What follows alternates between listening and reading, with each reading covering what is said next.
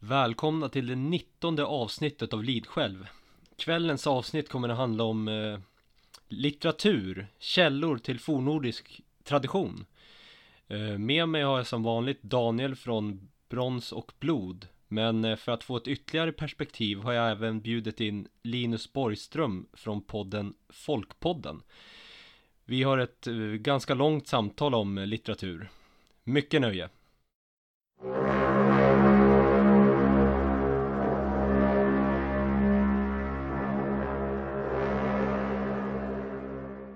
Då vill jag börja med att välkomna Linus Borgström från podden Folkpodden. Tackar, tackar. Trevligt att vara. Trevligt. Ja, trevligt att ha dig här.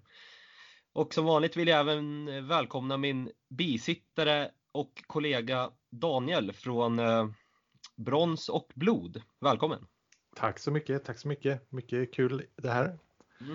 Linus, eh, du kan ju börja med att berätta om dig själv lite grann. Ja, var ska man börja? Eh, skåning som alla hör, vilket kanske kan hjälpa i och med att vi har två Linus i programmet. Ja, Så att det går att eh, skilja oss åt. får jag kliva in här en snabbis bara? Vet du Mm. vart namnet Linus kommer ifrån? Det är väl den linfärgade eller linhårade, alltså just att håret är linfärgat vill jag minnas. Att det är, om det är romerskt eller grekiskt vet jag inte riktigt. Eh, Det är grekiskt och det är han med det linfärgade håret. Så var det ja. Och det är inte, som jag förstått, en hundraprocentig översättning, så man är inte helt, helt hundra. Eh, Men han var ju också den andra eh, påven, hette Linus. Och, mm, och det styrker lite då att eh, forntidens greker var ganska ljusa. Så, Absolut, den, den vägen kan man vandra långt på och diskutera. Mm, mm. Ett helt annat avsnitt kanske. Det. ja, okej, men eh, då fortsätt då. Kan presentera dig själv lite. Ja, absolut. Vad ska man säga? Jag är skåning, 34 år gammal och eh, arbetar som tekniker. Idag brandlarmstekniker, men eh, för de som lyssnar på detta har säkert stött på mig, eller förhoppningsvis stött på mig i Folkpodden. Då som jag gör. Där jag utforskar allting från ja, historia till folktro och eh, ja, även lite övernaturligt och skräck och så vidare. Jag försöker blanda allting där och väva en, eh, skapa en röd tråd genom alla de här ämnena.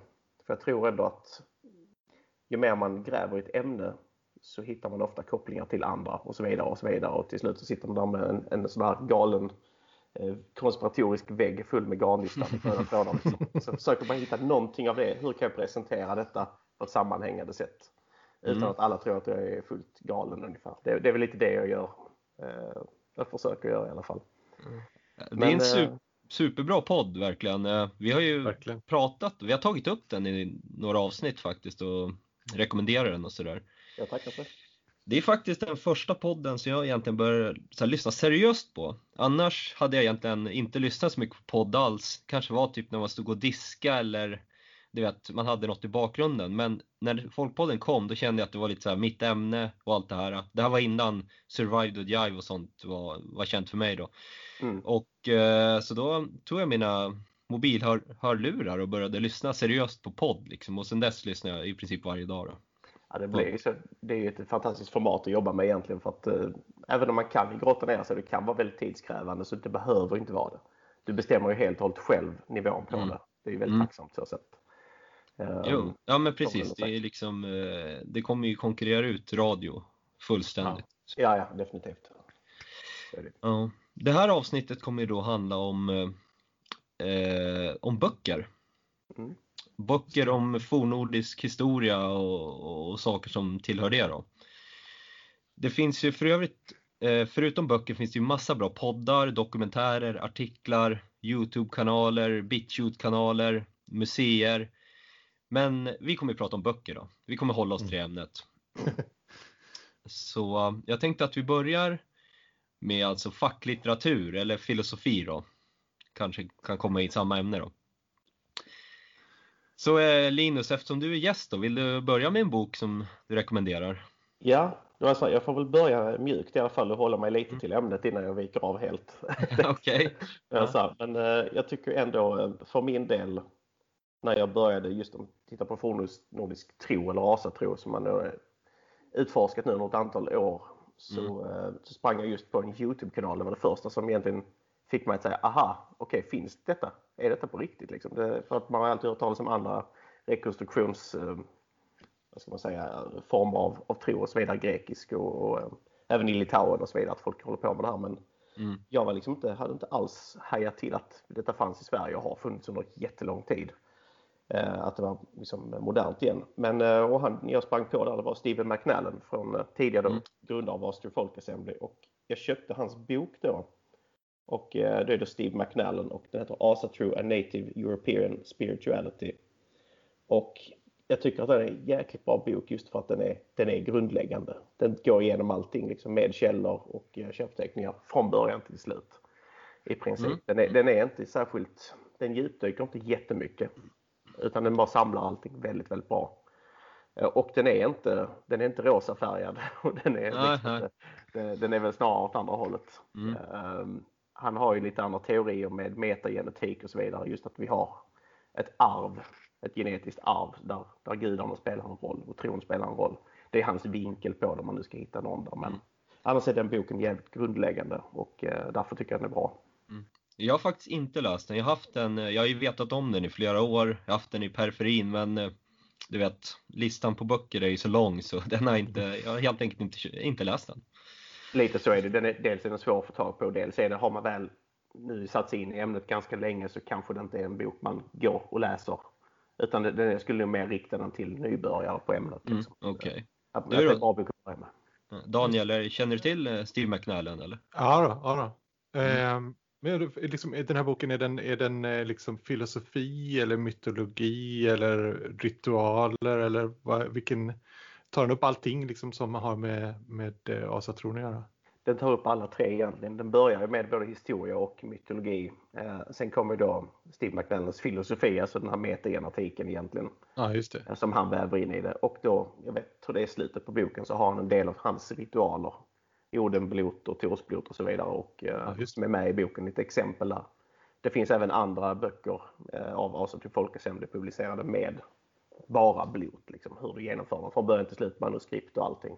Mm. Om, det, om, man nu vill ha den typen av blot som är väldigt uppskrivet. Vissa kör det bara liksom ingenting planerat egentligen utan bara känslan i det. Eh, mm. Men just här är det väldigt skriptat allting om man säger så. Okej. Okay. Ja, du då Daniel, du kan, vi kanske kan köra i den ordningen då hela tiden. Så.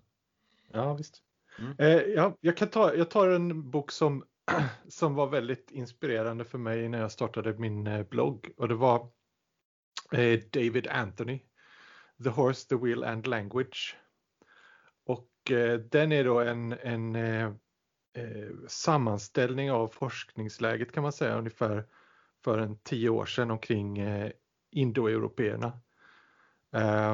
Som ju, vad ska man säga, indoeuropeerna, deras, deras religion och deras eh, världsåskådning var ju, är ju liksom grunden till det som har blivit asatro här.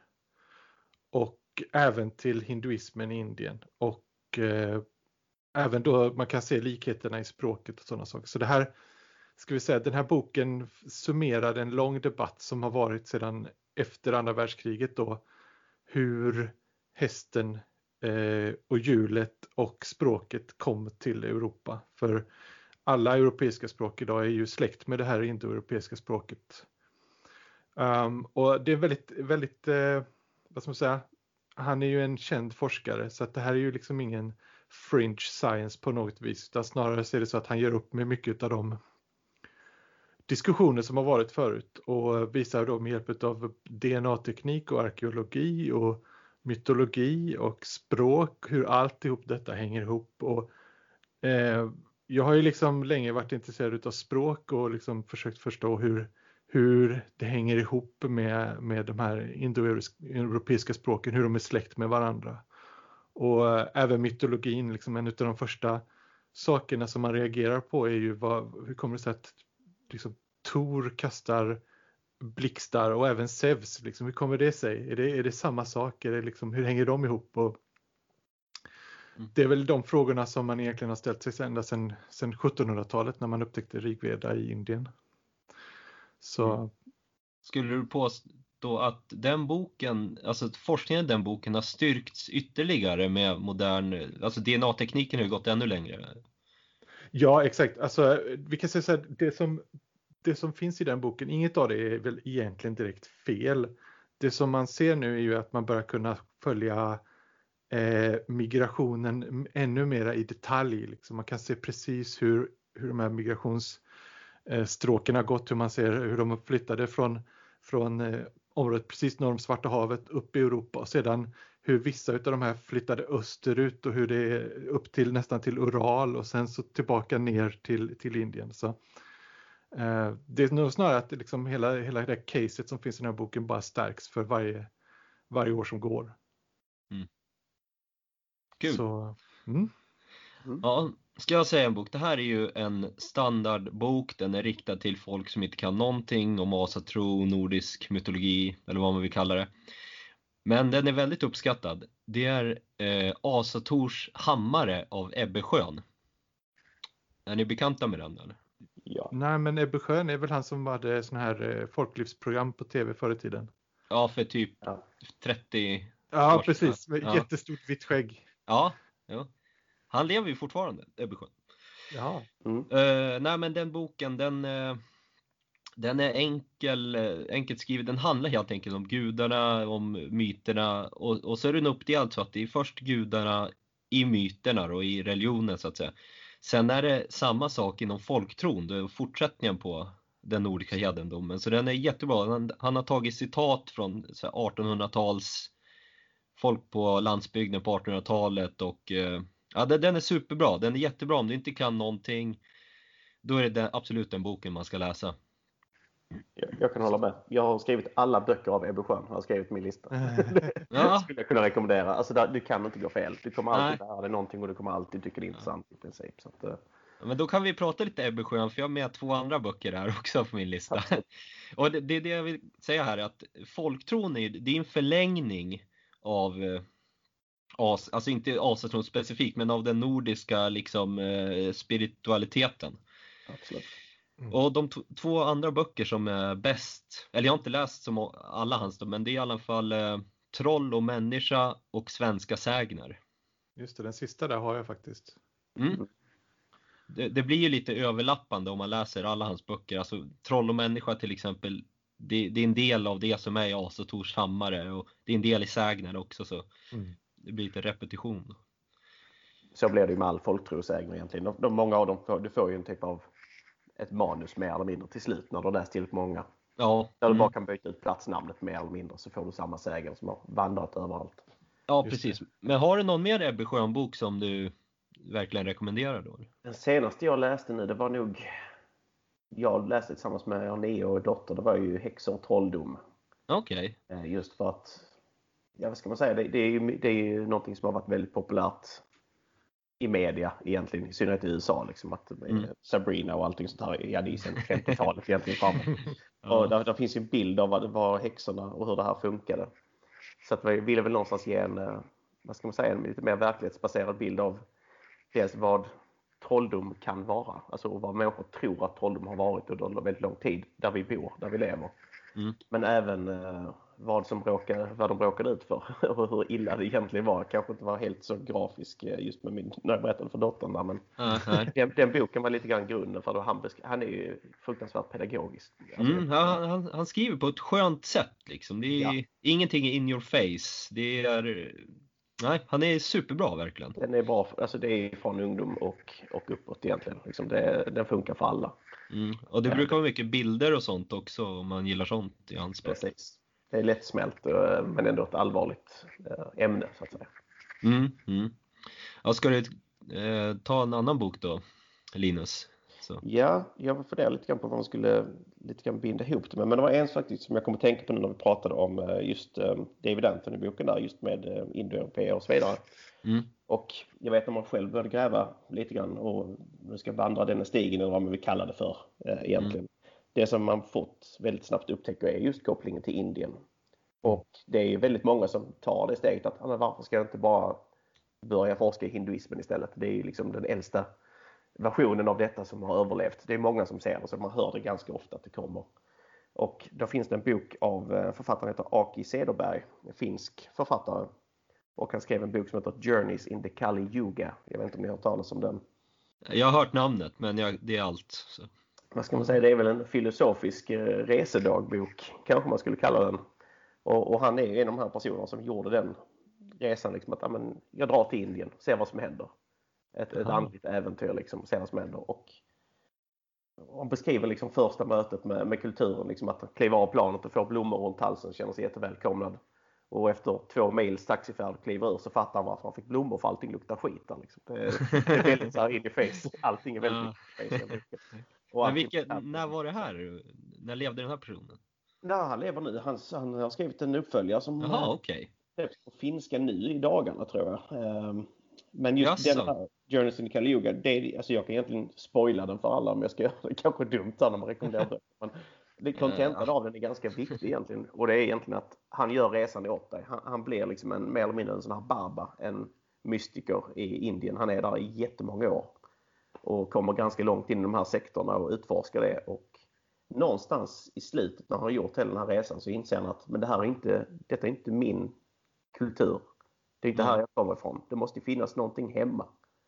Alltså, och, och upptäcker, kommer tillbaka till han, han kallar det, han skriver faktiskt asatro i boken men jag tror inte han är så specifik egentligen med vad han menar utan hans väg i uppföljaren sen är att utforska, okej okay, vad är våra förfäders tro egentligen?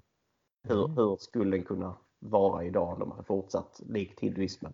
Jag gillar ju ordet eh, nordisk spiritualitet, tycker jag är ganska ett bra... Ja, faktiskt, jag med. Jag tror att det blir lite nischat med asatro även om nu kommer det vara 100 kommentarspersoner på Facebook-sida som kommer att skrika åt mig. man ska, ja. Det behöver inte göra det. Jag tycker inte det. Utan jag tror att eh, det är väldigt subjektivt. Alltså, asatro, det är ju, det är ju också en, en bra benämning men det är ju liksom det, det är mer det som står i Eddan och, och den biten. Ja. Det innefattar ju egentligen inte art, bondesamhällets eh, ritualer också va? Precis, man missar väldigt mycket. Man, man får, det blir lite grann som en, en litet knappnålsbild liksom av, av en helhet som man missar. Mm. Och sen blir det lite så här, när börjar asatron? Jag menar det är ju, asatron har ju en, eh, en tidigare historia också när, när liksom Oden ja, han skapas ju va, bit för mm. bit så att säga. Precis. Ja, det var mm. intressant den diskussionen i förra avsnittet eh, eh, när vi diskuterade vet han, guden Gaut som var mm. goternas eh, ursprung.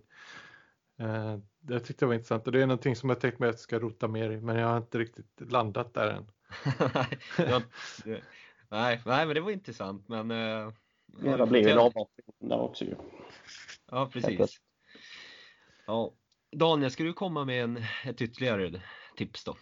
Ja, äh, ska vi se. Eh, nej, för jag, jag tänkte, eh, om vi säger då, vi hade lite sådana här eh, vad ska man säga, grundläggande böcker och en som ofta förekommer när man tittar på, alltså, den är ofta källa på Wikipedia till exempel. Det är den som mm. heter Norse Mythology av John Lindow. Uh, och uh, som sagt, den, den, kan väl vara, ska vi säga, efter att man läst in i, i den första, första, vad ska man säga, initierade boken om, om eh, nordisk mytologi så kan man läsa denna som en, ha den liksom i bakhuvudet som en, eller i bokhyllan som ett uppslagsverk. Men den är inte mycket att läsa liksom från perm till perm direkt och, och den ger inget sammanhang och sådana saker. Men jag tycker ändå den är ganska bra eh, just, just som en referens. Mm, mm. Um, så han har ju liksom, han skriver, det, det, det är liksom ett uppslagsverk kan man säga med med korta artiklar om, allt, om olika, och så finns det ju även då källor där som man kan följa vidare sen om man vill. Okej, okay. men det, det, är då din eh, Ebbe Sjön Asa Hammare så att säga? Eh, ja, det kan man väl säga. Ja, det kan man säga. Det kan man säga. Mm. Uh, men den, den, är ju liksom, den har ju liksom en, vad ska vi säga, för det, när vi diskuterar det så har vi, vi, vi diskuterar liksom om det är spiritualitet och sådär och uh, den här är ju inte sån, den har liksom inga ambitioner att, att, att på något vis försöka förstå ämnet spirituellt sett utan den vill ju snarare presentera fakta. Och mm. på ett sätt tror jag egentligen, eh, och det tycker jag också när jag när jag skriver på bloggen att man måste liksom för att kunna för att kunna skildra de här sakerna och undersöka de här sakerna rättvist så måste man faktiskt, man måste ha en, en sympati för ämnet man måste på något sätt, man kan liksom inte bara stå utanför det här och skriva om det utan man måste liksom på något vis ta till sig det och, och försöka internalisera det. Så på det viset kanske den här boken är lite, vad man säga, den håller liksom ämnet på, ett, på armlängds avstånd på ett sätt. Mm. Ja men det är, det är väl basic då ifall någon som är helt eh, ny är intresserad kanske det är en bra bok så va? Ja precis, precis. Men jag tyckte ändå att jag tar upp den här för den är liksom eh, eh som sagt den är källa till mycket annat. Mm. Mm. Har du bra källförteckning så är det ett bra sätt att fördjupa sig. Oh ja, precis. På ett snabbt precis. sätt liksom också. Mm. För ja, men då går jag, jag vidare. Vet, jag vet, ja, precis. Om, ja, jag får, om jag bara får säga en sak. Ja, kör. Vi, vi har ju inte nämnt urtexterna här. Fast vi kanske kommer till det, ja. Just det. Precis. Just, vi tar ja, det sen. Det kommer efter. Det Så, ja, precis. Ja. För det är lite mer djuplodande, lite mer avancerat. Så det här är lite mer det man kan börja med. De, de, de flesta börjar ju inte med att läsa Eddan. Man fattar ju ingenting. Alltså, det här avsnittet är lite riktat till eh, de som inte kan någonting och de som är avancerade men känns ändå då som man måste börja med, med det basic. Liksom. Precis. Mm. Jag skulle vilja slå ett hårt slag det här har jag till och med gjort ett helt avsnitt om, men Jörgen I. Eriksson och Jonas Unger, de har skrivit en bok som heter Heligt landskap. Känner ni till den? Nej, faktiskt inte. Den är superbra. Jag har gjort ett helt avsnitt med han som, just det avsnittet heter Heligt landskap och han är ju en, eh, en shaman eller en eh, runmagiker tror jag han kallar sig själv. Så mm han har åkt runt i olika delar av Sverige på jättemånga ställen. Boken är säkert 200 sidor eller någonting. Och först då beskriver han liksom den här äh, det han kallar för drömtiden. Det är, det är ganska flummigt men det är väldigt intressant. Äh, det är då, äh, så han åker runt och sysslar med så utesittningar på olika fornlämningsplatser. Och det han gör då är att han skriver om platsen, historien, vad det är som finns där, liksom lite vad det finns för sägner kring den här platsen. Sen har han gjort, alltså gjort en utesittning och så berättar han vad han upplever under den här utesittningen. Mm -hmm. Den här boken går inte att få tag på längre, eh, den trycks inte längre. Men den finns säkert på bokbörsen eller något sånt där så hugg en kopia på den, den är jättebra verkligen. Det kan bli problematiskt för jag kanske gör det innan du publicerar Ja. Men eh, nej. Jag säljer något dyrt. Ja precis, ja, det är en uh, jättestark rekommendation. Mm. Eh, sen så har han även skrivit en annan bok, Ann Jörgen E. Eriksson, som heter Eddans dolda visdom. Och eh, den finns som gratis eh, pdf-fil eller e-bok eller vad man ska säga på hans hemsida då, norrchaman.se eller .net. Och där går han igenom lite Eddan och går, går igenom lite mystiska saker med den och lite magi och sådär. Man får nog tänka en del. Mm. Han är, han är väldigt bra den här Jörgen I. Eriksson. Just det. Ja. Så det var de jag hade om han då. Tackar för tipset. Mm. Jag lyssna på det avsnittet också som sagt. Ja. Hans, eh, det, är faktiskt, eh, det är faktiskt bra det avsnittet. Jag börjar i den änden faktiskt. Ja, precis. Eh, ska jag köra vidare då på en? Mm. Yes.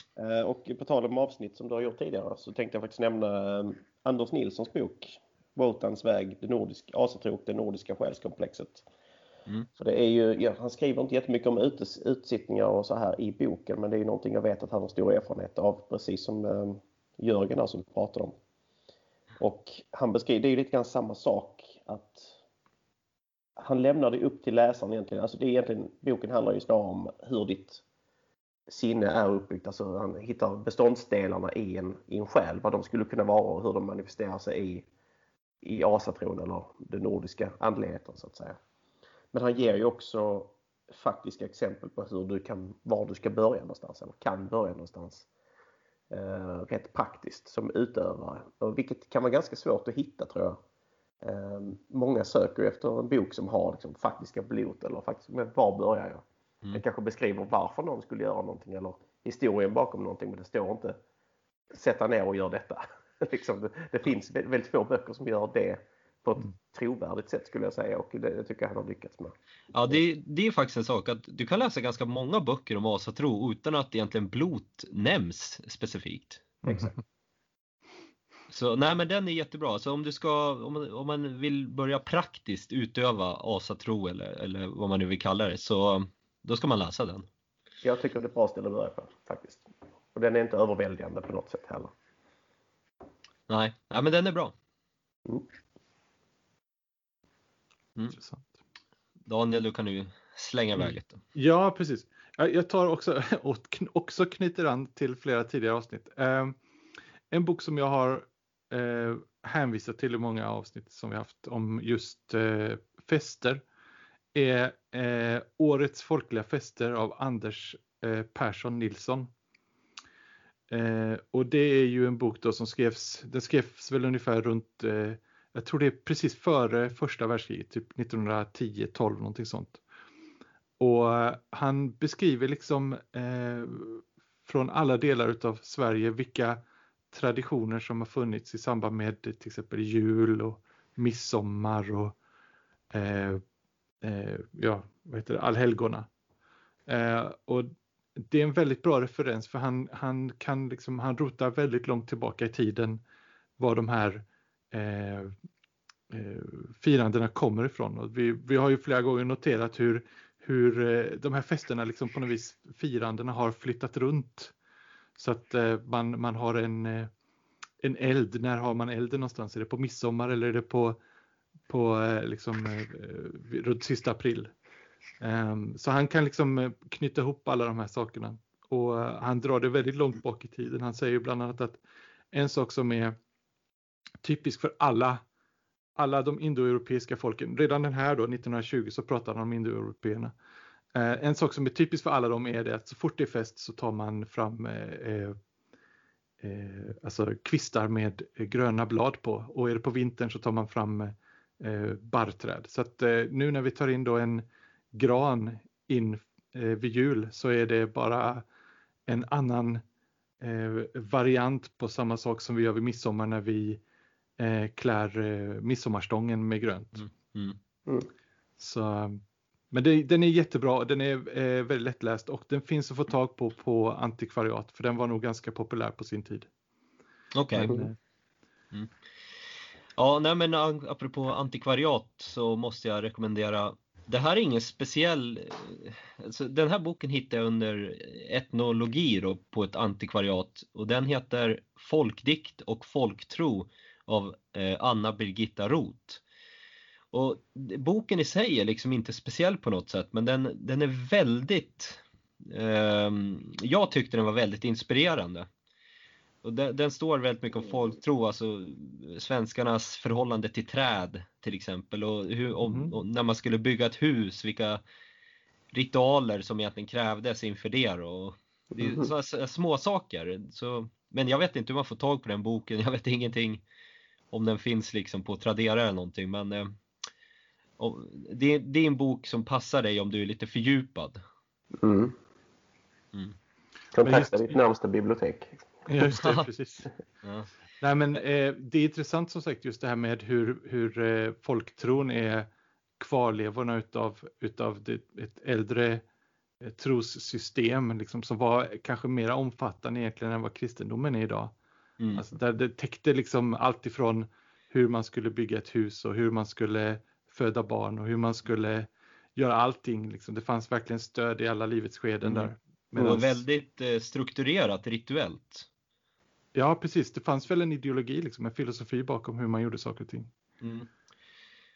Ja, du läste väl det där jag skickade om eh, hur man skulle föda barn där i bondesamhället? Man skulle Ja, tra- trampa på barnet sex, Sex gånger. gånger med ena foten och tre med den andra och sådär. Och sen var det brännvin direkt efter förlossningen. Och, Just det, var lite fest där vid, Ja. vid barnsängen. ja. Stackars mamma. ja, visst. Det finns inte alls en koppling till hög barndödlighet där. Nej.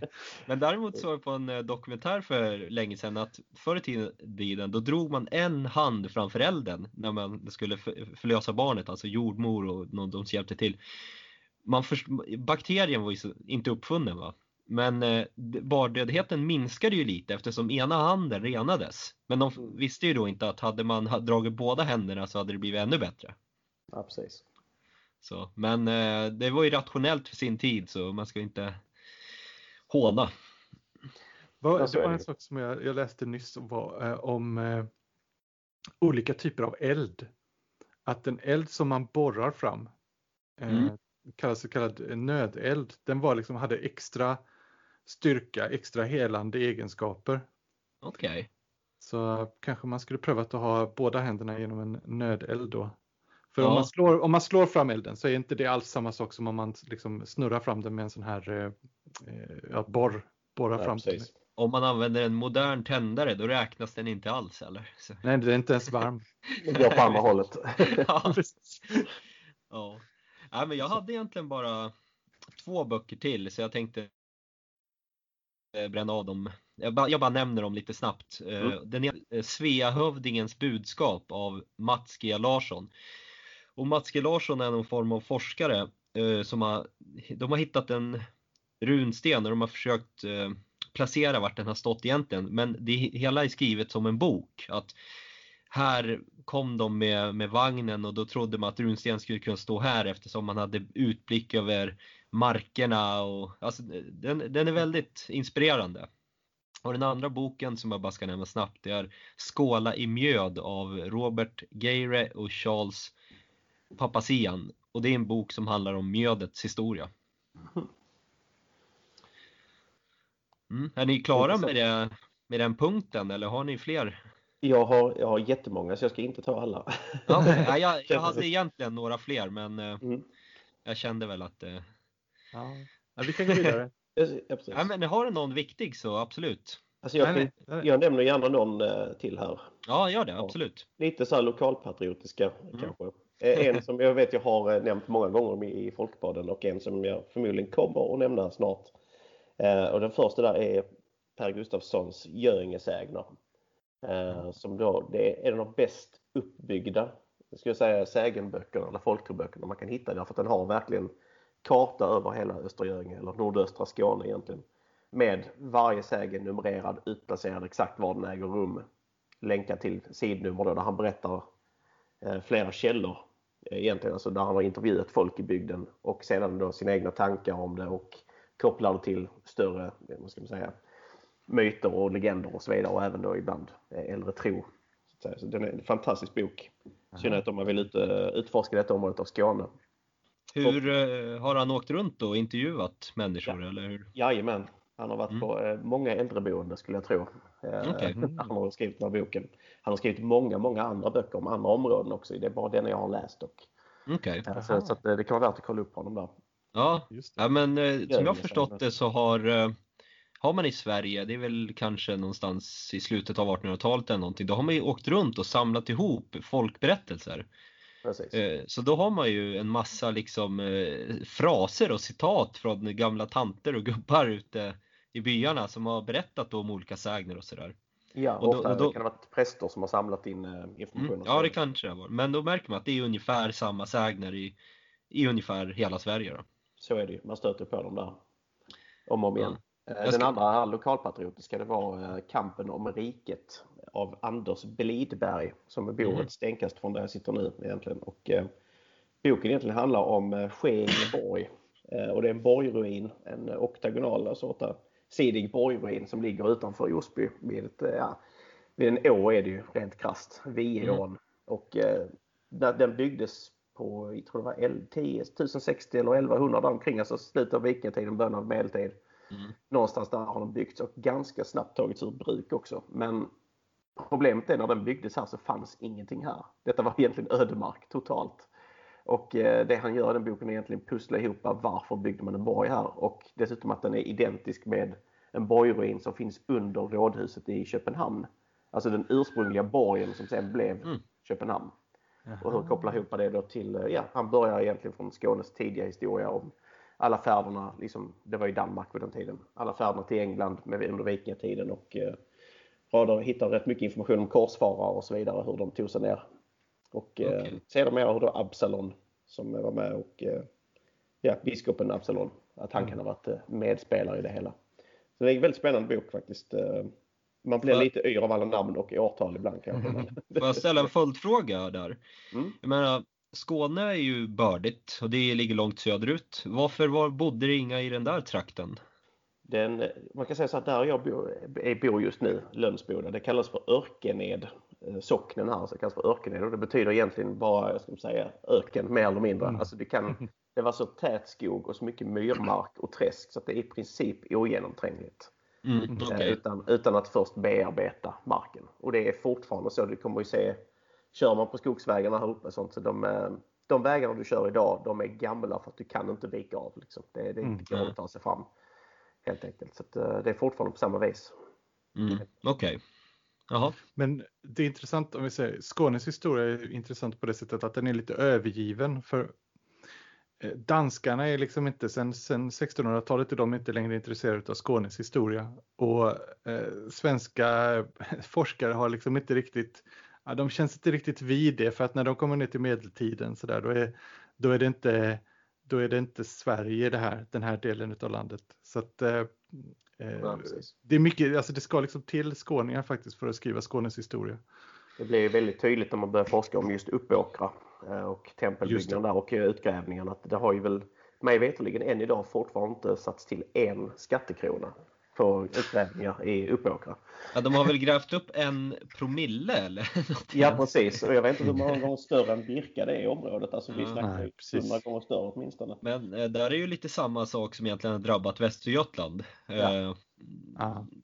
Man vill ju gärna ha- då att Uppsala, jag tvekar ju inte på att Uppsala är det här templet, där det har legat och det då, men, men eh, att eh, man har gärna velat att det har varit i närheten av Stockholm då.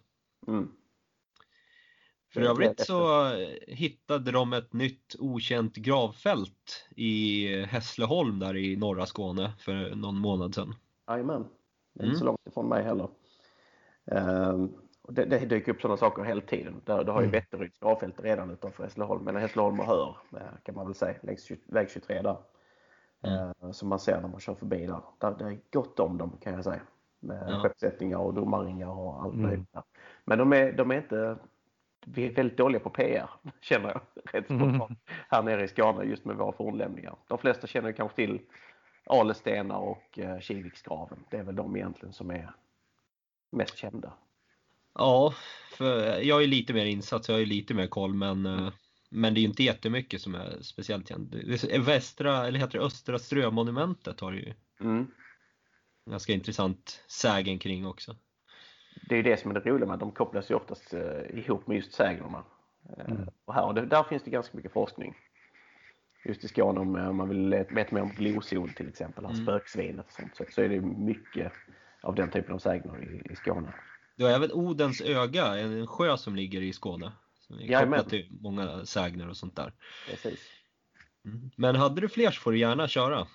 Jag kan köra en, en liten avvikande där då och det är egentligen en bok som jag tycker är helt fantastisk och det är Jacques Vallée som skrev Passport to Magonia. Eh, har ingenting överhuvudtaget med fornnordisk tro eller historia att göra. Okej. Men jag tycker den är också viktig ändå. Den här eh, Jacques Vallée är ju egentligen en, från början en ufolog, alltså en ufo-forskare.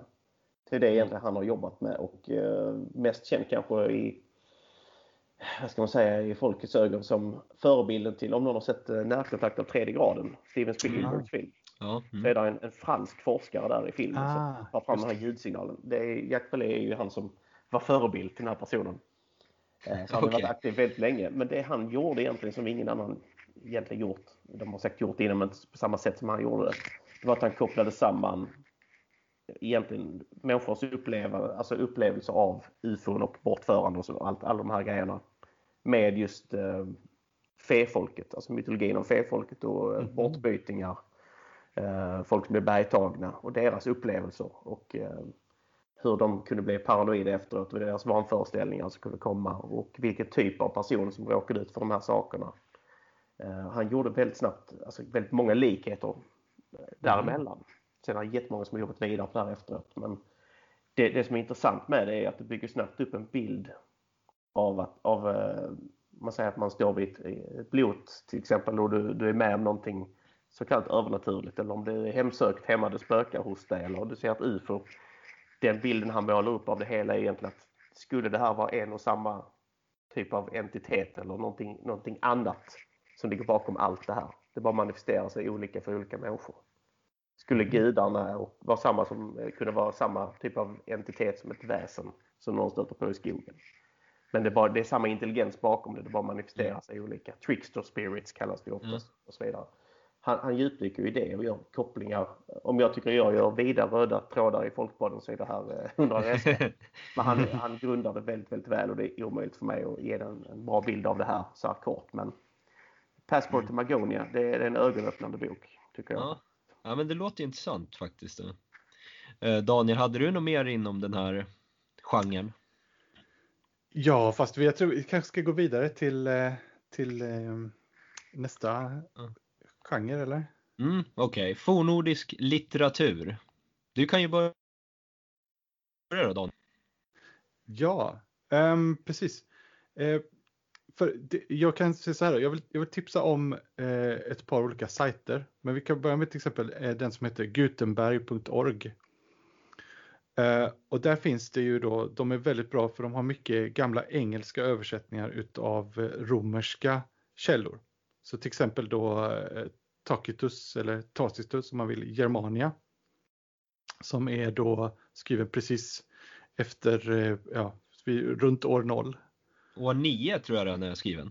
Ja, just det. Så, och den beskriver ju väldigt, väldigt ingående då ur en romares synvinkel hur, vilka germanerna är, vilka traditioner de har, vilka gudar de har och så vidare. Eh, var de bor någonstans, vilka sorter det finns och så vidare. Mm. Eh, sen har vi Jordanes eh, Getica finns också där eh, i en eh, översättning på engelska. Eh, och sen så har vi ju, och den beskriver då goternas historia. Liksom, han är en got som skriver om deras egen historia. Den, Eh, på samma sätt som, som mycket annan historia från den tiden eh, så är den ju, vad ska man säga, delvis mytologisk, delvis eh, ren historieskrivning. Eh, men den, den, är intressant ändå, även om kanske vissa saker han skriver om goterna handlar egentligen om om andra folk som han har lånat in, eh, som man ju gör. Eh, mm. Mm. Så Gutenberg.org finns massor med sånt och man kan ladda ner, de har det som e-böcker så att har man en, en, en eh, padda så kan man ladda ner det till den eller en telefon så kan man ladda ner och läsa dem ganska bra där. Mm. Jag vill bara fortsätta. Om, kan man läsa på engelska finns ju i princip alla eh, islandssagor och allting och, hitta på olika sajter. Just det. Mm. Men du nämnde Germania där. Eh, den står längst upp på min lista för den här genren här. Och, eh, men jag ska ta och läsa om den, för jag läste den när jag egentligen inte var så insatt. Och, eh, ja, den kanske ger mer nu liksom. Ja, alltså för det, jag, jag har läst den också, men jag, jag, jag märker hela tiden när man läser saker eh, så kommer en liten hänvisning till att ja, men det här skriver då eh, Tacitus om. Eh, och så, det kommer inte alls ihåg, så får man gå tillbaka och kolla i den. Ja, titta, där skriver han faktiskt om det. Mm. Så det finns, eh, alltså han, han lyckades fånga väldigt mycket på eh, lite text kan man säga. För den är inte så lång här för mig. Nej, det är ju bara en liten, en liten skrift. Det är väl mm. en hundra sidor eller något kanske sånt där. Ja, precis. En... Ja. Ja, nej, sen vill jag ju såklart då rekommendera den poetiska Eddan och eh, det är ju ganska tung läsning om man inte är insatt. Eh, det är ganska svårt språk i de flesta och sådär men den ska man ha läst helt enkelt om man, ja. om man ska vara insatt.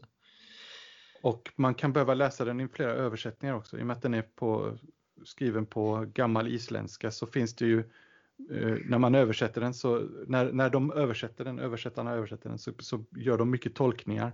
Mm. Mm. Ehm, så man kan, man kan göra, alltså det kan vara nyttigt att jämföra olika versioner av det för att ibland så har de gjort helt olika tolkningar. Mm. Ja ehm. men det, det, har jag lite erfarenhet av för vi var ett gäng som läs, läste lite tillsammans och då hade vi olika böcker. Va? Och det var ju som du säger ganska stora skillnader. Precis. Mm. Um, men så det, om vi säger, om vi ska snacka om eh, urkällor så är ju det, det är ju verkligen urkällan för det är den eh, renaste, mest eh, orörda källorna vi har till, eh, till fornnordisk mytologi. Mm. Mm. Eh, Linus, eh, du har väl läst Eddan då? Det, ett par gånger i också, från rätt många olika översättningar. Kan man väl säga. Och eh, jag tycker det, det mest intressanta med Eddan är inte Eddan själv utan det är allas tolkning av den. Det är Mm. det, alltså man kan ju verkligen man kan dra det hur långt som helst. Har man Mm. upptäckt liksom. Folk ju, I Skåne har vi en, en, jag kommer inte ihåg hans namn nu, jag skäms nästan, men som eh, kör teorin om att det här utspelar sig kring Röstånga, alltså Söderåsens nationalpark. Där vi har Okej. eh, jättegamla vulkaner i Skåne. Alltså de, det är fullt av vulkanrester då, alltså uråldriga där. Och han pekar ut platser från Eddan och Skena i Ragnarök och sånt med hur de här vulkanerna då har Mm.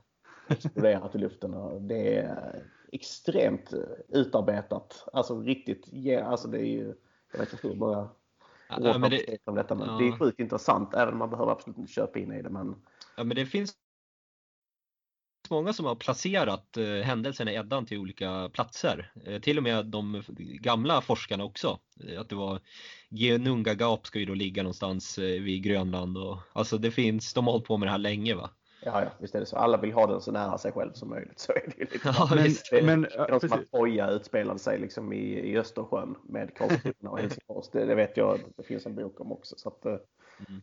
det, det går, på- är det bara till ett vag, vagt källmaterial så kan man göra vad som helst. Precis, men jag, jag, vill, jag vill vända lite på det där och säga att alltså, på ett sätt så tror jag att dåtidens människor som levde med detta, som sagt det var ju en, en, en, en allomfattande religion som kunde stödja en i överallt. Jag tror de, de, de kände också att de kunde peka ut liksom var de här sakerna hände och det var i närheten av där de bodde. Liksom, de bodde tillsammans med gudarna. Mm. Absolut. Ja men det finns ju liksom berg och, och grejer som är döpta efter saker som går att tolka in i det här så det, så var det absolut. Ja, alltså, kollar du innan du nämnde med Jörgen där, han skrev om utsittning av shamanism, just med drömtiden. Det får mig osökt att tänka just på aboriginerna i Australien som gjorde just sagor och sånger om, ska du vandra liksom 10 mil så behöver du hitta riktlinjer. Var ska du gå? Ja, men det är den kullen där som ser ut som det här djuret. Eller de, den samlingen träd som ser ut som det här Mm. i en saga då, som man berättar om det för just för att du ska komma ihåg, okej hur långt har vi kvar, var ska jag svänga? Och så vidare. Just de här långa sångerna och sagorna. Jag tror vi har liknande uppe i just i samernas Ja. eh, Ja, men just-. Just det där med sångerna eh, och aboriginerna där. eh, Jag tror det var de eller om det var någon Fiji liknande folk där. Det var så att de hade en, en ett jordras eller en jordbävning under vattnet för flera, typ 500 år sedan eller någonting. Så att liksom en del av landen sjönk ner i vattnet. De blev av med en del mark helt enkelt. Och då har de bevarat en sång som berättar om det här. Och den sången har varit bevarad då ända sedan den här tiden. En Mm. sång och en dans. Och forskare nu har ju kommit fram till att det här har ju hänt. De har ju, kan ju kolla på, på marken under, under vattnet och då ser man att det, det har ju rasat ihop. Mm. Så det, ja, det är som du säger, de, de, det är ett jättebra sätt att bevara eh, information och ha det i sång så att säga. Visst är det så. Det är samma i Werner Herzogs senaste dokumentär som heter Fireball om meteoriter och asteroider som träffar jorden. Och jag tror den avslutande platsen han besöker är just någon av de här Söderhavsöarna. Mm. Där du har en, en traditionell dans med facklor där de berättar hur de kom till jorden, att de kom med en, kom, en komet. Eller meteor, det är deras saga liksom. Men Ja. i verkligheten så finns det liksom en krater i närheten där det har varit ett enormt nedslag. Hur länge sedan vet man inte liksom. Men eh, det fanns ju betyd- bevisligen människor där som kunde bevittna det för sagorna. Mm, mm. Mm. Det finns ju en eh, fornnordisk eh, berättelse, eh, vad heter den, Tor och färjekaren eller är ni bekant med den? Tors, Mm. det, teorin, eller en teori kring det här är att det är en, en lång ramsa, egentligen har den varit ännu längre och det var för att folk ska komma ihåg alla asagudarna. Mm. Det är dens syfte helt enkelt. Aha. Ja, ja. Men eh, eh, Linus, vill du komma med en ytterligare fornnordisk litteratur då? Ja, vad ska man säga? Att vi har gått igenom de, de några bästa. Jag skulle ju ändå slå ett slag faktiskt för Beowulf. Den är ju en, en favorit. Ehm, det finns ju också där lika många översättningar på den som alltså under varje år släpps det en ny känns det som. Mm. Uh, Tolkien Eng- gjorde ju en som är väldigt känd. Just det. Englands nationalepos. Som är svensk. Ja. Svensk, eh, så att Ja. säga. Det, den är väldigt intressant. Jag vet första gången jag stötte på den var ju inte ens i form av Beowulf utan det var ju i, vi kan, jag skulle egentligen nämna den i skönlitteratur sen, men det var ju faktiskt i Eaters of the Dead av Michael Crichton. Det är den som senare Ja. blev den trettonde krigaren, den filmen. Just det. Och Jaha, han skriver okej. i förordet till den boken så är det egentligen en vadslagning. Hela den boken är att det är någon som säger att Beowulf den är, den är ute, den går aldrig att göra populär igen. Och då slår han vad om att det ska jag visst det kunna göra. Så då, då skriver han liksom att det här är egentligen, det är egentligen Beowulf. Alltså Grendel är ju det här björnfolket som bor i bergen Ja, ja. i, i filmen 13 krigen. Så slår han ihop det då med Ibn Fadlans eh, berättelser. Så Men den här boken, stämmer den överens med filmen 13 krigaren? Ganska väl ja. Ja. Ganska väl. Björn. Han var ju själv producent och tror jag re- regisserade väl även sista man säger, 30 minuterna av filmen. Efter att originalregissören hade åkt ut. Han är en liten bråkstake. John McTiernan som gjorde Die Hard-filmerna. Han är inte känd för att vara, vara snäll.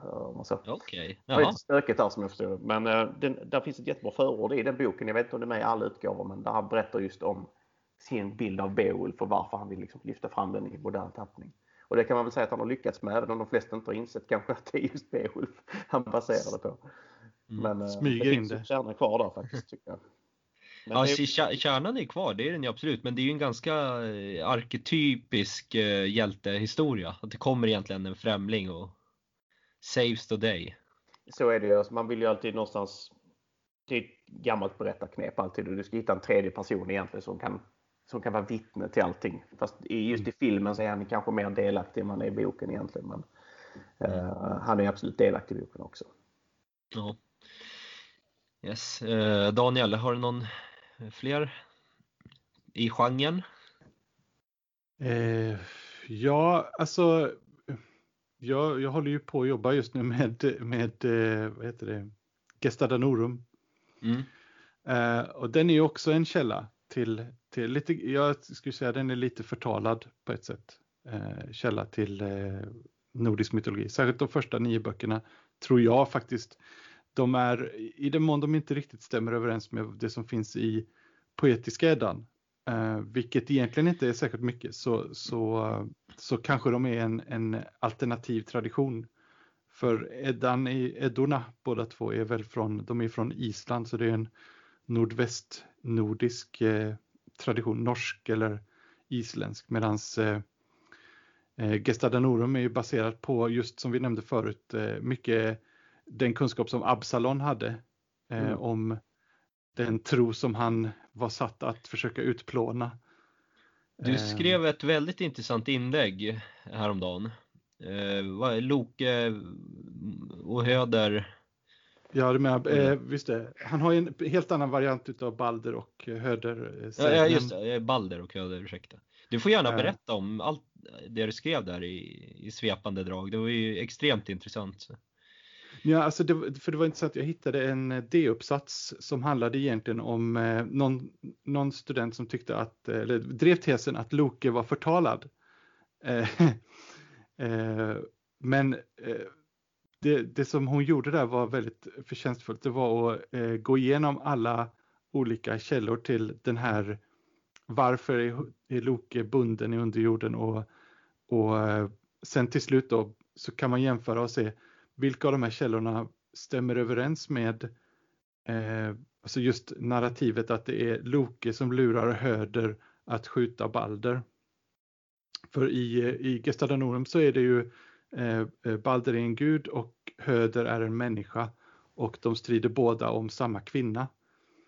Eh, och det visar sig då att hela, hela den eh, eh, poetiska Eddan, eh, den stämmer nästan lika bra överens med Gesta Danorums version som med eh, den version som eh, Snorre ger i sin eh, eh prosaiska Edda.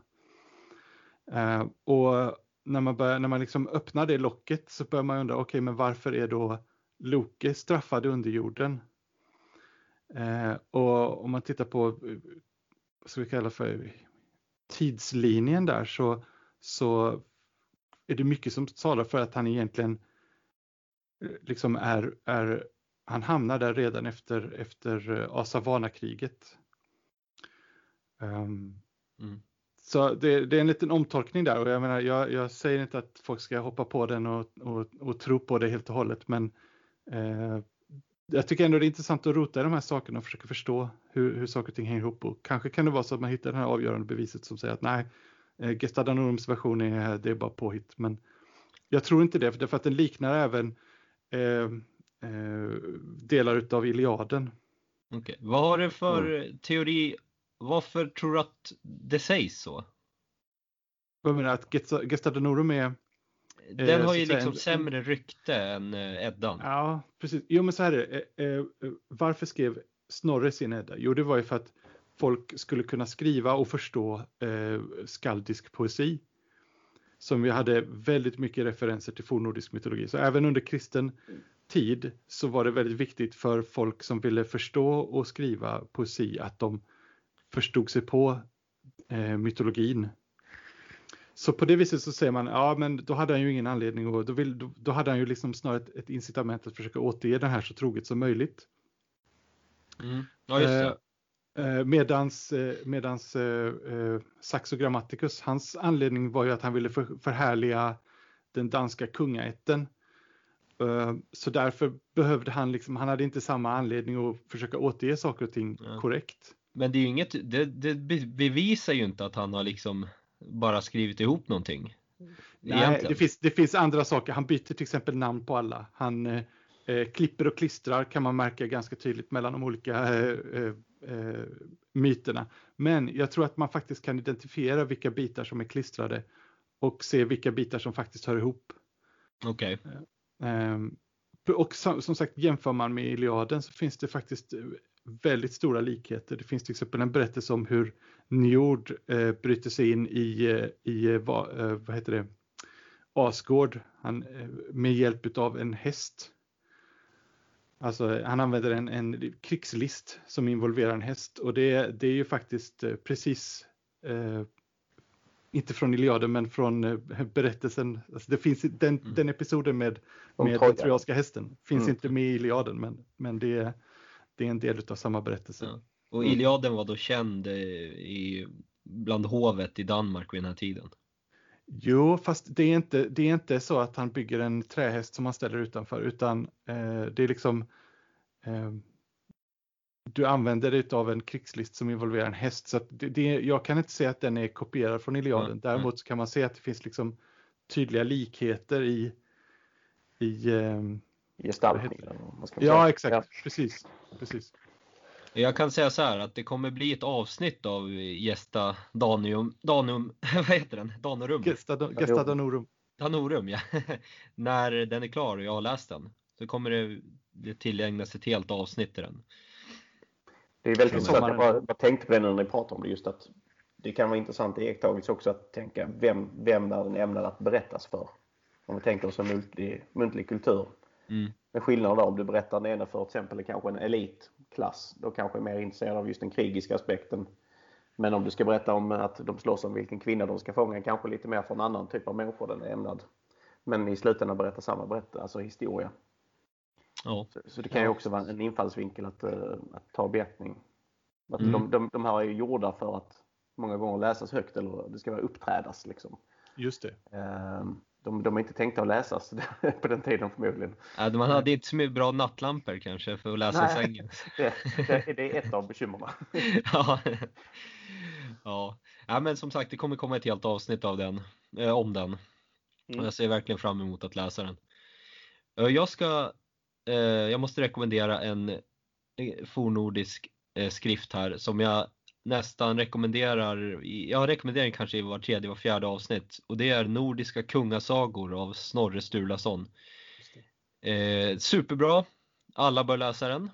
Och eh, det finns ju ett kapitel till exempel som beskriver ett blot i ganska detaljerat. Jag tror det är Håkan den godes saga. Mm.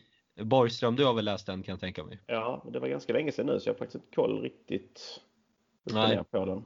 Ja, men den beskriver ju egentligen eh, sagokungarna i Norge fram till de kungar som man kan bevisa har funnits då. Och mm. Norges ja, kristnade och sådär. Och nej men den är jätte, jättebra och speciellt den här delen. Det pågår egentligen ett inbördeskrig i Norge, ett religiöst krig då. Och mm. Eh, då ska ju kungen där försöka kristna folket vid ett blot men han blir istället hotad och tvingas äta hästkött och sådär. Mm. Så. Ja, precis. Ja, men den, är, den är jättebra. Det det är verkligen en eh, en bok som man bör läsa för att få lite inblick. Anknyter lite till Ynglingasaga där också kan man säga.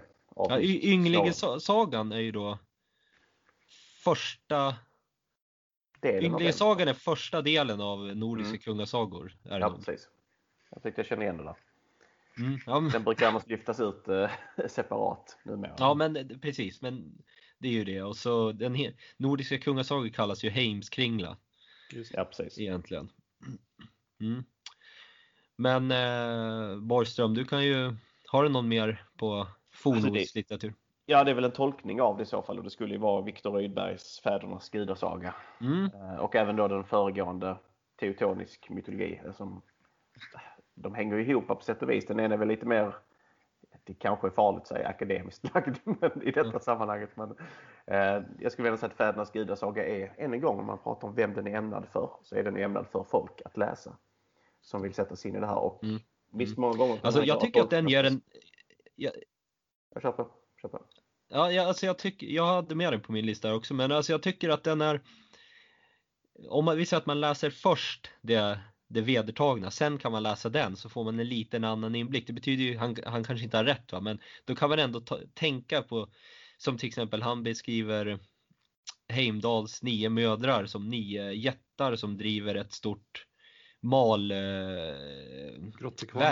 Ja. Ja, precis, precis va. Och sådana saker och det där har man ju aldrig tänkt på. Vart, har han hittat på det där eller har han hittat den här källan någonstans? Ja, det är det stora problemet egentligen om man ska Mm. se det med. Det är samma sak med Heimdall. Heimdall där att han är en sorts Prometheus. Han, han gav elden och kunskapen liksom, om jordbruk till människan skriver han och liknande saker. Så han har mer eller mindre tar liksom Prometheus-arketypen där. Men Heimdals med historien finns väl eh, åter, den finns väl på andra platser också? Att han, eh, han eh, Ja, eh, ja. Ja precis ja. Men Han, just den biten tror jag inte du går inte att hitta just där. Men det, man skulle väl säga att Fädernas gudasaga är ju ett stort verk av komparativ mytologi. Alltså, han har bakat in, jag ska säga, han har tagit pusslet och hämtat pusselbitar från andra mytologier för att bygga en, en helhet av det han trodde tyckte saknades.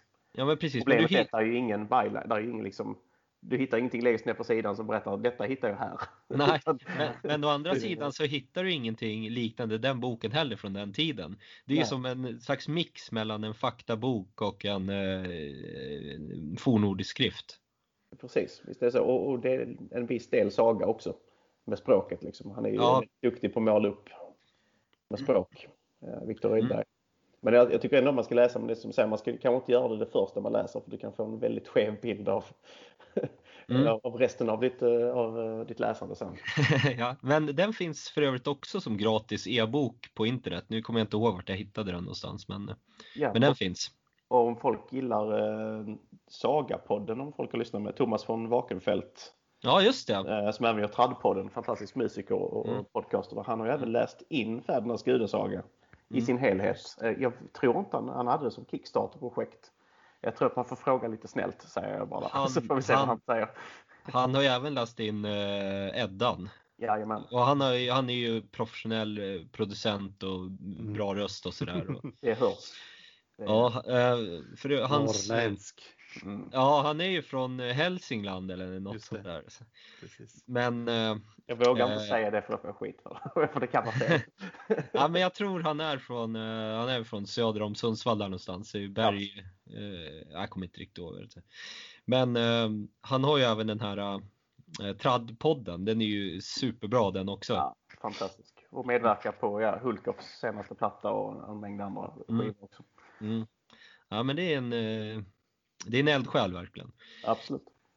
Ja. Ska vi gå vidare då? Eh, Ja. Daniel, har du någon fler Ehm, onordisk litteratur?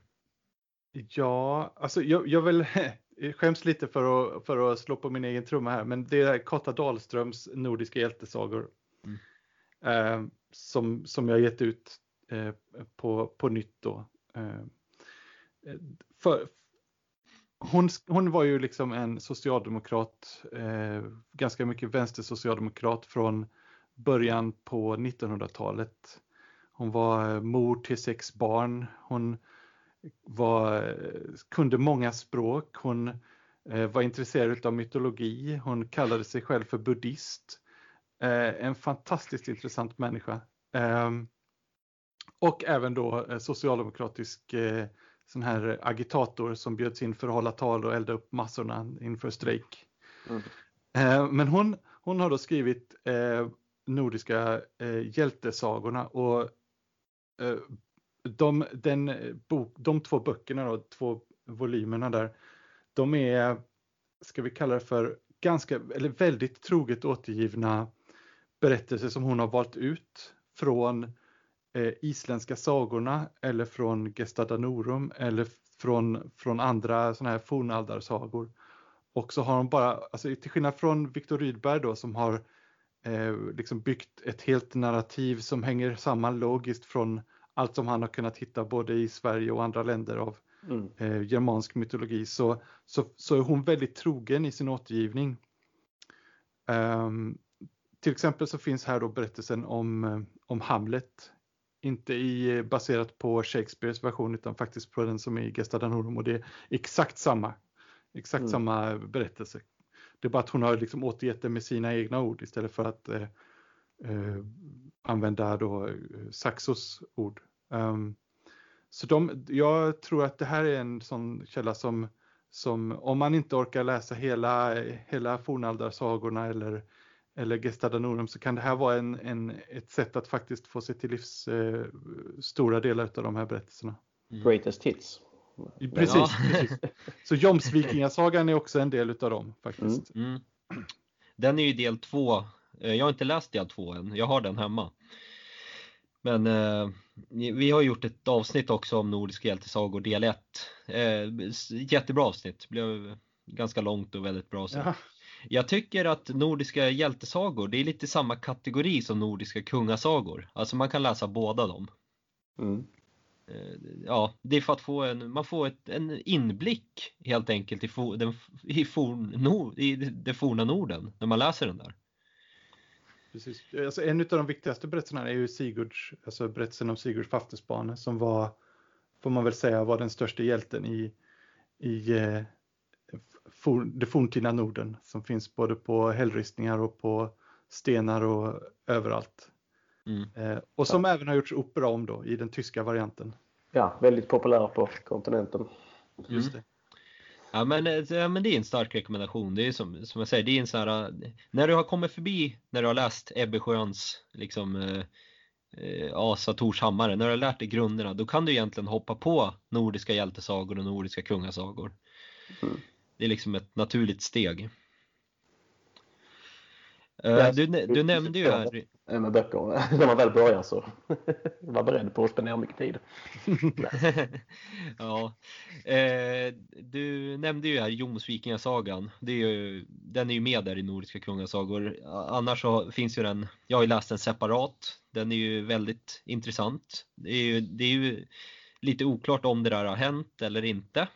Det, det, kan, det styrks egentligen inte av någon, eh, någon arkeologi till exempel. Nej. Men, eh, mm. Men det berättas om ett gäng pirater va? Kan man säga i södra alltså, Östersjön.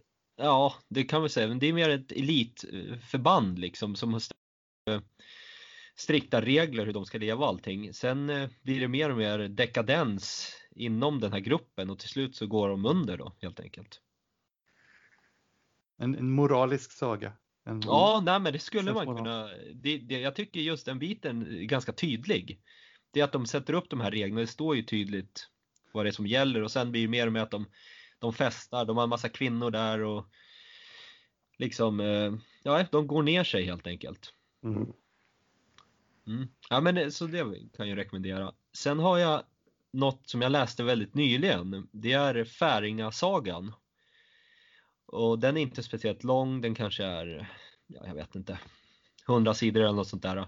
Handlar om eh, Färöarnas kristnande och, och lite olika färöiska hjältar och så.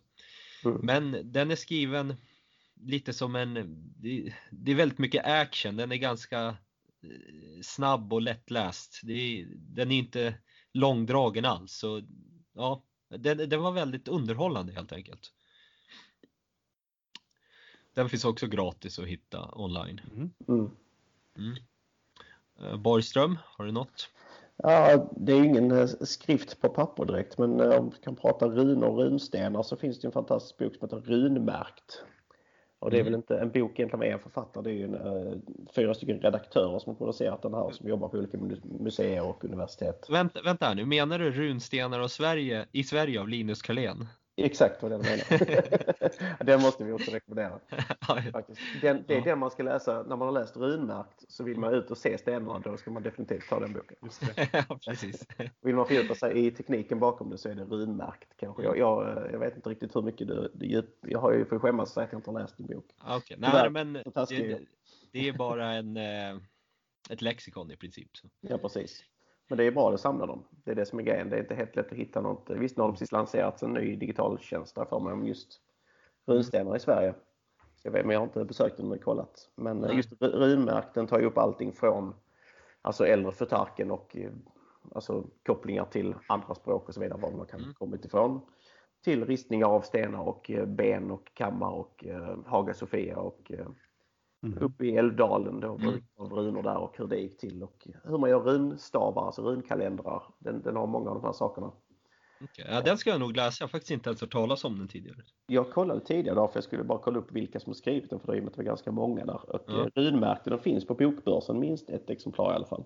Okej, Där Bennet, Ferenius, Gustafsson och Åhlén är de som står eh, som författare. min bok där, Runstenar i Sverige, det är ju det att den har bilder på alla runstenar också. Mm. Så det är mer den inriktningen. Det står en viss del information, sen är det bilder. Mm. Så den fördjupar sig ju inte speciellt mycket då. Det behöver det kanske inte göra heller. Alltså, folk kommer ju anknyta till var är jag nu eller var ska jag resa eller var bor jag och försöka hitta sitt lokala oftast och då, därefter kan man gå vidare sen. Mm, Och mm. det är en alldeles utmärkt bok i så fall. Ja, jag har, eller förresten, Daniel, vill du? Nej, jag är, jag, har, jag är ganska färdig. Ja, jag, har, jag har en till på den här genren. Det är en bok som jag tyckte var väldigt seg när jag läste den. Eh, Jag tyckte inte den var speciellt bra, men det är ändå Njals saga.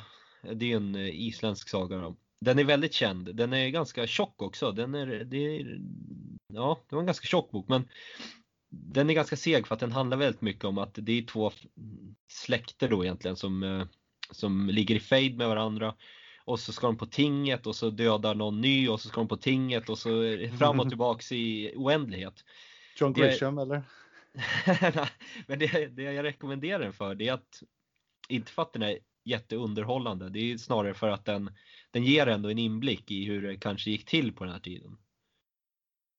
Så det är därför jag rekommenderar den, men den är som sagt man ska vara beredd. Det är lite så med alla islänningasagorna väl egentligen. Men eh, man får Ja. nästan plocka russinen ur kakan ibland för att inte bara sitta och rabbla årtal och släktled.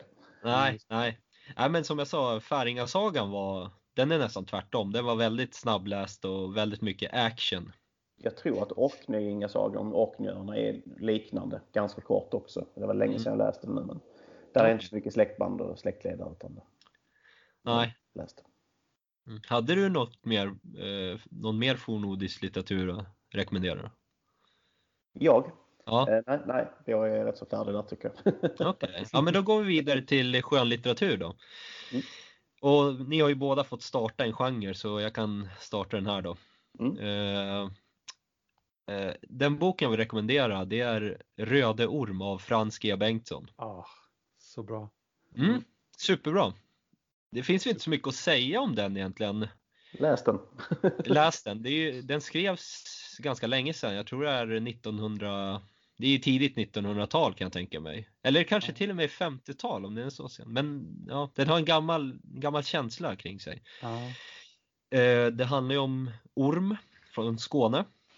Mm. Och eh, den är ju inte baserad egentligen på, alltså själva storyn i sig är ju, det är ju bara något han har skrivit ihop. Sen har han ju tagit referenser från olika saker och sådär.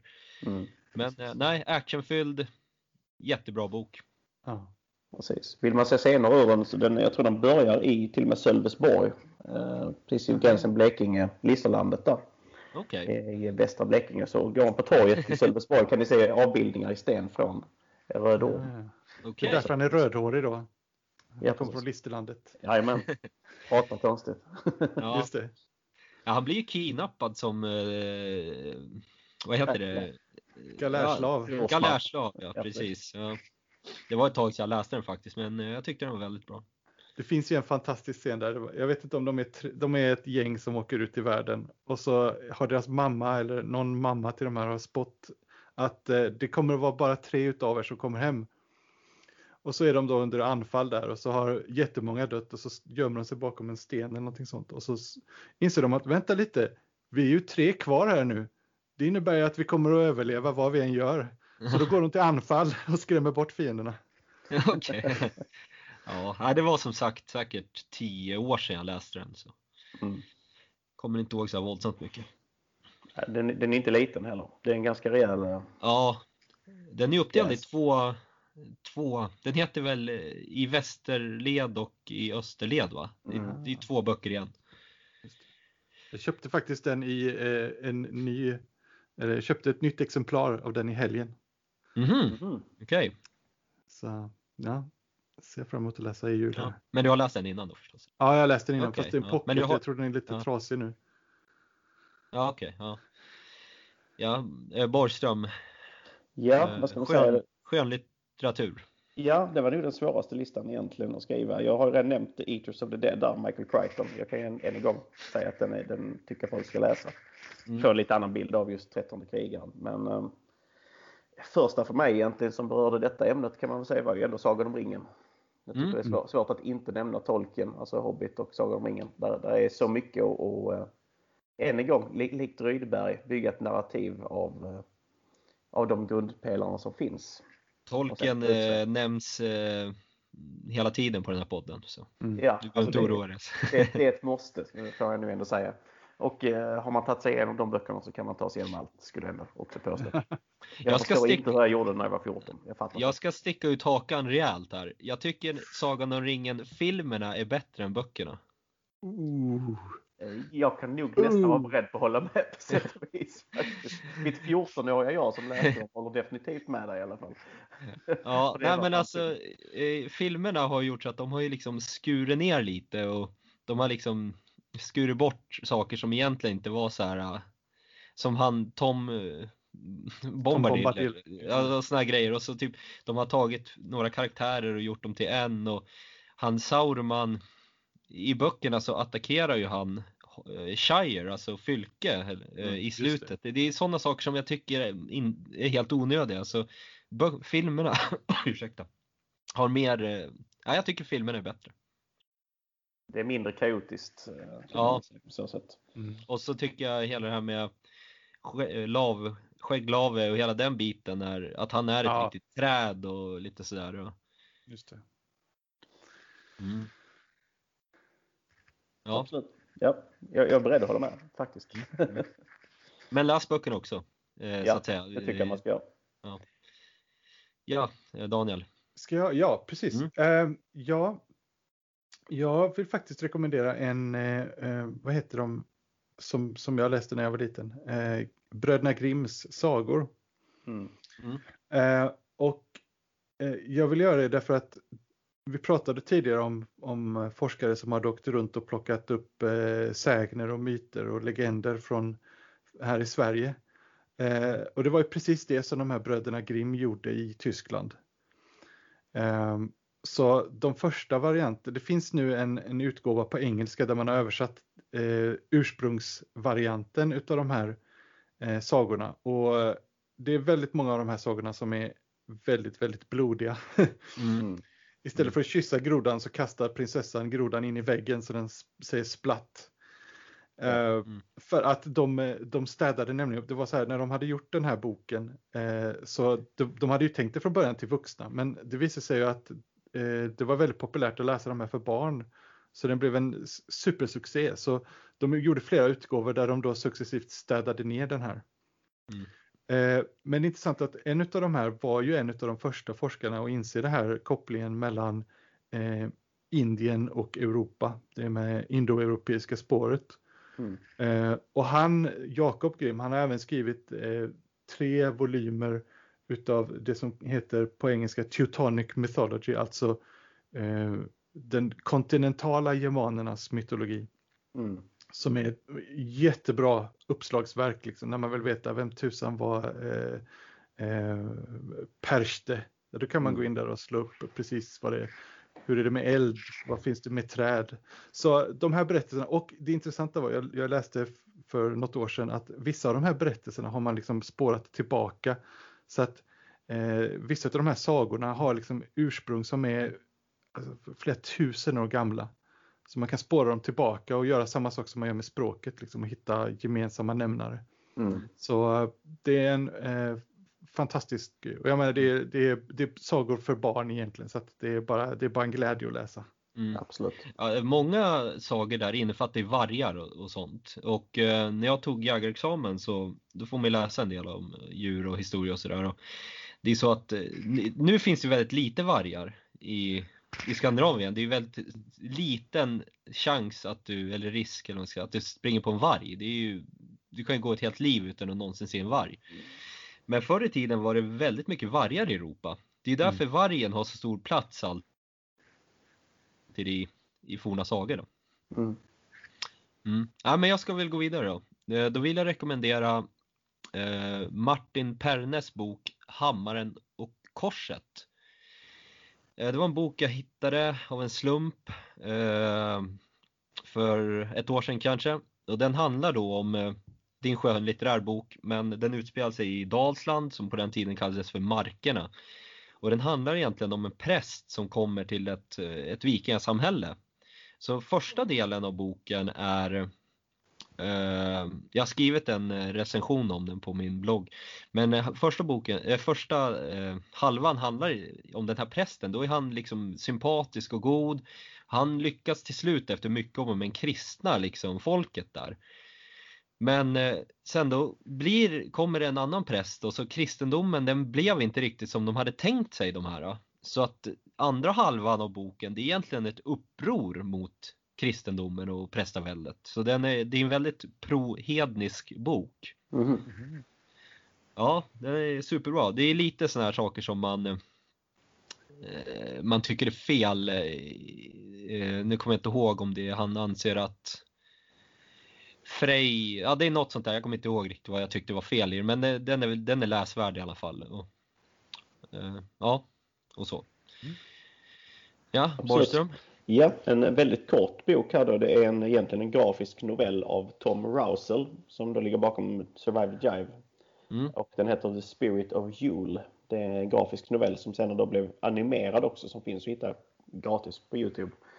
Eh, som egentligen är, vad ska man säga, en lite Dickens-stil eh, spökhistoria som utspelar sig kring jul. Där en, en man som vandrar ifrån eh, middagsbordet egentligen en kväll ute i den friska kalla luften och stöter på ja, ett spöke egentligen från sina anglosaxiska förfäder och får följa med dem in i eh, mjödhallen, liksom, i ölhallen där. Och vara med om deras julfirande. Så berättas det som en, en liten dickensiansk eh, julsaga där. Man kan ju trevlig rent. lä- eh, lägga till att det julfirandet som han upplever, det är ju det, den här killen är ju, som har skrivit den, är superinsatt i historia och sådär. Det är sättet som han tror att jul möjligtvis firades. Mm, Så, precis. ja. Jag har sett filmen, jag har inte läst boken. Det är väl mest Det är exakt samma. bilder och sådär. Så. Ja, det, det är egentligen en rörlig version av boken. Så att det, det är Mm. exakt samma. Mm. i princip. Ja. Eh, Daniel? Ja, jag får bara rekommendera då eh, Iliaden och Odysseen. Eh, de är allt annat än korta och de är skrivna på vers. Mm. Men eh, det är en fantastisk upplevelse att läsa någonting som är så otroligt gammalt. De, de är ju skriv, nedskrivna på, jag tror de är nedskrivna på eh, 600-talet, sammansatta på 800-talet före Kristus. Och eh, avhandlar egentligen händelser som sker då långt in i bronsåldern på 1200-talet eh, före Kristus. Så att det, om man vill ha en riktig urkälla eh, så är det verkligen dem. Och det finns, det finns några jättebra svenska översättningar. Eh, jag kommer inte ihåg, eh, den som jag har läst den är på vers. Och eh, den, är, den är fantastisk att läsa. Okej. Mm. Ja, eh, ja nej men det, de är ju väldigt kända och, och sådär. Och, men jag har inte läst dem tyvärr. Än. Nej. Har börjat på dem. Ja, nej, men mitt nästa Eh, tips här då, det, det går i lokalpatriotisk anda. Jag är ju som bekant från Östersund i Jämtland. Och eh, det är Fröse-trilogin av Axel Lindström. Eh, det är tre böcker. Den första heter nog den heter Den leende guden tror jag den heter. Den andra heter Österhus brinner och den tredje heter Husfröjdarnas nycklar. Och det är en, en, bok som, eller en trilogi som utspelar sig främst på Frösön som ligger mitt emot Östersund. Mm. Det betyder Frejsö. Mm. Eh, det är ju en påhittad historia men här, han har ju tagit då en massa referenser till olika fynd och så vidare. Och, ja, precis som Röda Orm då egentligen. Och mm. eh, till exempel Österhus är ju något ställe som har funnits där, som har brunnit. Och när man eh, gjorde, skulle renovera kyrkan där på Frösön, då hittade man en gammal blodplats under mm. kyrkan och sådana saker. Eh, den är, de är bra. Eh, och han Axel Lindström i sig är ju en ganska intressant person. Han eh, var ju gold, guldgrävare och trapper i Alaska på typ 20-talet eller något sånt där. Mm. Eller vad han nu levde. Sen så kom han tillbaks till Jämtland, han var ju från Jämtland ursprungligen då.